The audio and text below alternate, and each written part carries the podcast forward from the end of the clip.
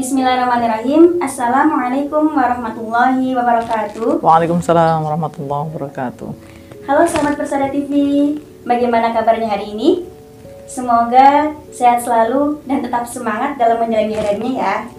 Nah, pada program yang sama yaitu Persada Talk, kita sekarang ditemani oleh Bu Mani selaku beliau adalah pemateri pada hari ini yang mana materi kali ini itu yang bertema tentang bagaimana sih e, per, peran perempuan ketika perempuan itu di luar rumah. E, lalu apakah boleh ya ketika perempuan itu di luar rumah itu kita berkarir seperti itu? E, langsung saja kita simak pembahasan dari beliau.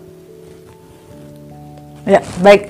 Terima kasih. Assalamualaikum warahmatullahi wabarakatuh. Waalaikumsalam warahmatullahi Alhamdulillah Salatu wassalamu ala rasulillah La hawla wa la quwata illa billah. Baik, terima kasih Mbak Afi yang sudah memberikan kesempatan. Uh, Sahabat Persada TV yang Ibu sayangi Pada kesempatan kali ini kita akan membahas uh, Terkait peran publik seorang muslimah. Nah yang maksud dengan peran publik di sini adalah uh, Apa saja peran yang bisa dimainkan seorang muslimah di luar rumah tangganya atau di luar uh, keluarganya. Ini kita perlu jelaskan di awal ini ya Mbak Afi uh, terkait dengan uh, ada pertanyaan yang sering diajukan itu uh, apakah muslimah itu boleh berkarir atau tidak? kenapa ini menjadi pertanyaan? Karena sejauh ini ada tadi ya semacam stigma uh, terhadap perempuan khususnya muslimah jadi ketika ada seorang muslimah itu memilih menjadi ibu rumah tangga, itu di mata masyarakat, ya, bahkan kadang-kadang tidak hanya di luar dirinya, bahkan orang-orang terdekat dengan muslimah itu sering me, uh, menyayangkan gitu. Apalagi kalau dia sudah sarjana gitu ya, kok gak kerja gitu ya, eman-eman ijazahnya. Gitu.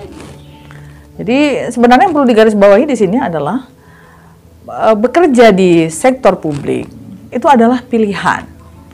Jadi bukan kewajiban. Tidak ada kewajiban dalam uh, Islam itu yang memaksa seorang muslimah untuk bekerja itu nggak ada. Karena sesungguhnya kalau dilihat nanti dalam konteks suami istri yang wajib memberi nafkah itu kan adalah suami ya. Tapi salahkah perempuan berkarir? Jadi kita akan bahas uh, tema ini dengan mengangkat sebuah hadis. Rasulullah Shallallahu Alaihi Wasallam bersabda, qad azinallahu lakunna an takhrujna li hawaijikunna. Hadis ini diriwayatkan oleh mutafakun alaih. Rasulullah bersabda, eh, Allah telah mengizinkan kalian wahai perempuan untuk keluar rumah memenuhi kebutuhan-kebutuhan kalian. Nah, dalil ini mungkin kita bisa jadikan sebagai sandaran untuk uh, menjelaskan bahwa perempuan boleh bekerja di luar rumahnya mengambil peran yang lebih besar di samping melaksanakan peran-peran domestik juga melaksanakan peran-peran publik. Kenapa itu menjadi penting? Karena itu bagian dari tadi dari awal e, manusia diciptakan itu tugasnya menjadi khalifah. Jadi sebagai khalifah itu tugasnya sangat besar, sangat luas. Tidak hanya berperan di rumah, tapi bisa atau bahkan perlu untuk berperan di e, luar rumah. Jadi kalau dilihat juga, ya kalau kita baca ayat Al-Quran sebenarnya bekerja, perempuan bekerja, profil perempuan bekerja itu sudah ada. Jadi kalau masih ada yang mempersoalkan perempuan boleh bekerja atau tidak, itu mungkin uh, apa ya perlu membaca ulang uh, ayat Al-Quran dan hadis Rasul. Misalnya kita lihat saja bagaimana Al-Quran menggambarkan dengan sangat gamblang uh, profil Ratu Balkis sebagai penguasa loh pemimpin tertinggi dari sebuah negara yaitu negara Sabah. Ya. Bagaimana kemudian di misalnya kan kita lihat di dalam surah Al-Qasas itu digambarkan putri Nabi Suaib gitu ya yang be bekerja sebagai uh, penggembala uh, kambing atau domba dan unta. Jadi bisa digambarkan dan dilihat. Jadi profil perempuan bekerja itu sudah ada dalam Al-Quran. Belum lagi di hadis Rasulullah. Bahkan kalau kita mau lihat contoh terdekat di kehidupan Nabi sendiri, uh, istri Rasulullah, uh, Khadijah radhiyallahu anha itu bekerja. Bisnis woman yang sangat hebat. Bahkan kalau kita lihat sejarahnya Nabi Muhammad pun dulu bekerja kepada Khadijah. Nah, jadi tidak ada masalah sebenarnya dengan bekerja, perempuan bekerja. Nah, cuma yang jadi persoalan di sini adalah kadang-kadang gini ya, yang jadi uh, yang perlu menjadi pertimbangan kepada para muslimah yang akan berkarir di luar rumah itu adalah ada beberapa aturan atau uh, ketentuan yang harus diperhatikan. Jadi secara umum tadi prinsipnya Allah tidak melarang, Rasulullah tidak melarang perempuan berkarir di luar rumah. Tetapi harus ada beberapa pertimbangan. Lagi-lagi pertimbangan itu perlu dikedepankan demi menjaga kehormatan perempuan dan menjaga keamanannya. Ya, kalau sholat apa ya berjamaah ke masjid juga mendapatkan, ya, apalagi bekerja, beribadah saja diatur, apalagi uh, persoalan-persoalan yang sifatnya muamalah kan. Jadi sudah jelas lebih jelas, lebih lebih tegas aturannya. Bagi kita lihat, jadi intinya tidak ada halangan bagi perempuan untuk berkarir, cuma ada beberapa uh, yang harus dipertimbangkan. Yang pertama, ketika dia berkarir, karir yang dia pilih itu tidak karir-karir yang bisa uh, mencabut dia dari fitrahnya sebagai perempuan. Jadi dalam bekerja, dalam berkarir perlu pilih-pilih gitu. Uh, pekerjaan ini pantas tidak ketika dilakukan Ya, jadi bukan untuk misalkan mendiskreditkan pekerjaan-pekerjaan tertentu, tapi untuk uh, menempatkan diri kita sebagai seorang perempuan pada pekerjaan-pekerjaan yang lebih pas. Misalnya menjadi guru itu kan pas ya, lebih pas gitu ya. Dokter, perawat, bukan berarti ini menjadi yang lain tidak pas gitu, tapi lebih cocok dengan uh, keperempuanannya. Yang kedua memilih pekerjaan-pekerjaan yang tidak mengarahkan muslimah itu terjerumus ke maksiat. Ya, bekerja di sektor yang mengharuskan dia membuka auratnya. Itu ada beberapa gitu ya. E, yang ketiga, e, memilih pekerjaan-pekerjaan yang tidak membuat dia ikhtilat. Ikhtilat dalam arti gini, bukan eh, nggak mungkin tidak bercampur ya, karena dalam bekerja kita biasa bekerja dengan e, mitra laki-laki. Tapi kadang-kadang ada situasi-situasi yang kadang-kadang membuat ikhtilat itu menjadi begitu intens ya jadi pukul sana pukul sini gitu itu itu, itu yang sebaiknya dihindari itu jadi biasa bekerja sama dengan laki-laki boleh tapi tidak lantas kemudian menyebabkan interaksi itu menjadi melampaui batas itu ya yang perlu diingat kemudian ketika bekerja juga perlu uh, menyiapkan diri sedemikian rupa memantaskan diri tepatnya jadi jangan uh, berpakaian berdandan yang berlebihan. Jadi jangan sampai uh, apa ya uh, ketika keluar dari rumah fitnah itu bermunculan. Ya, orang menilai tubuh kita, ya, menilai dandanan kita. Kadang-kadang memang ada pekerjaan-pekerjaan itu menuntut kita dandan luar biasa gitu. Harus all out, heboh gitu ya. Kayak lipstiknya itu ada.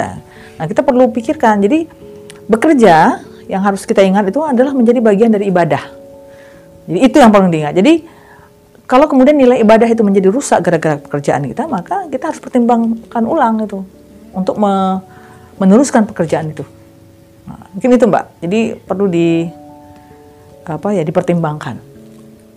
Baik.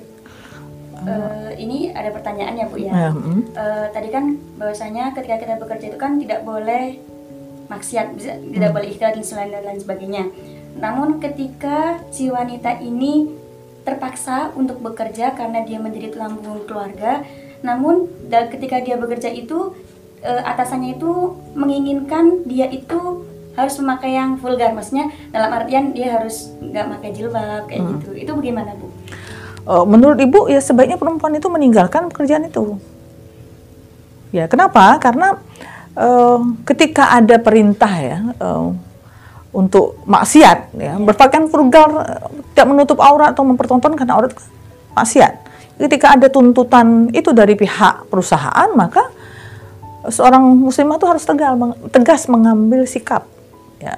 Lebih baik dia berhenti dari pekerjaan yang justru akan membawanya kepada maksiat ya.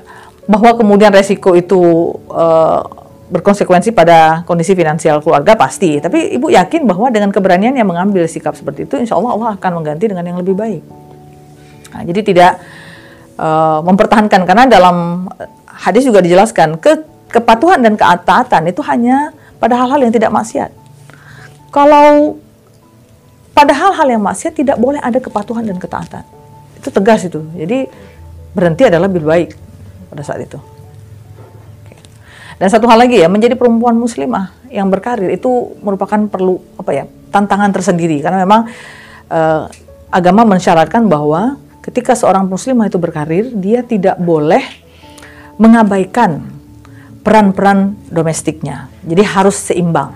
Jadi kalau sampai ada yang uh, pincang, ya. maka apa ya perlulah mempertimbangkan kembali gitu ya uh, uh, mana yang lebih penting. Jadi misalnya apalagi mengingat kita bukan sebagai pencari nafkah utama gitu ya, jadi mungkin perlu ada pertimbangan-pertimbangan. Uh, kalau ibu pribadi misalkan uh, ketika tidak bisa memilih antara karir atau keluarga, maka ibu akan lebih mendorong diri ibu dan muslimah untuk memilih keluarga karena itu jauh-jauh uh, lebih utama. Jadi dalam bahasa yang lain, kenapa kita harus mengejar surga di luar kalau ada surga di rumah? Nah, kira-kira seperti itu. Nah, misal Bu, ini ada pertanyaan dari teman saya uh, bahwasanya bagaimana sih ketika perempuan tersebut itu memiliki gaji yang lebih besar daripada si suaminya hmm. itu uh, apakah dibolehkan atau tidak hmm. memiliki gaji yang lebih besar dari suami tentu saja perlu disyukuri ya seorang perempuan itu harus uh, membaca hamdalah banyak-banyak itu aja ya bersyukur kepada Allah dengan syukur yang besar memang ada uh, apa ya problem psikologis yang sering muncul atau yang mungkin muncul uh, ketika suami penghasilannya lebih rendah dari istri. Ini tergantung suaminya juga sih.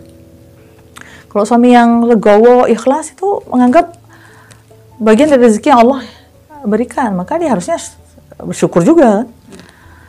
Jadi memang ada, jadi seorang perempuan yang harusnya paham. Jadi ketika gaji dia atau posisinya dalam uh, pekerjaan itu lebih tinggi dari suaminya, maka dia harus lebih bisa menempatkan diri. Tantangannya di situ. Jadi jangan uh, bahasa ini ya, ngebosi ya, saya membawa-bawa gaya itu ke rumah. Jadi kalau di kantor dilayani ada asisten, ada ini apa ya, ada yang membantu gitu ya. Kan di rumah pun dia memperlakukan dirinya seperti bos juga. Nah itu yang jangan sampai terjadi. Jadi justru uh, tantangannya di sini bagaimana dia bisa memisahkan antara pekerjaan atau kedudukannya di kantor dengan posisinya di rumah. Meskipun di kantor dia oh, dihormati sebagai layaknya bos, tapi di rumah dia adalah istri. Jadi di rumah suamilah bosnya gitu.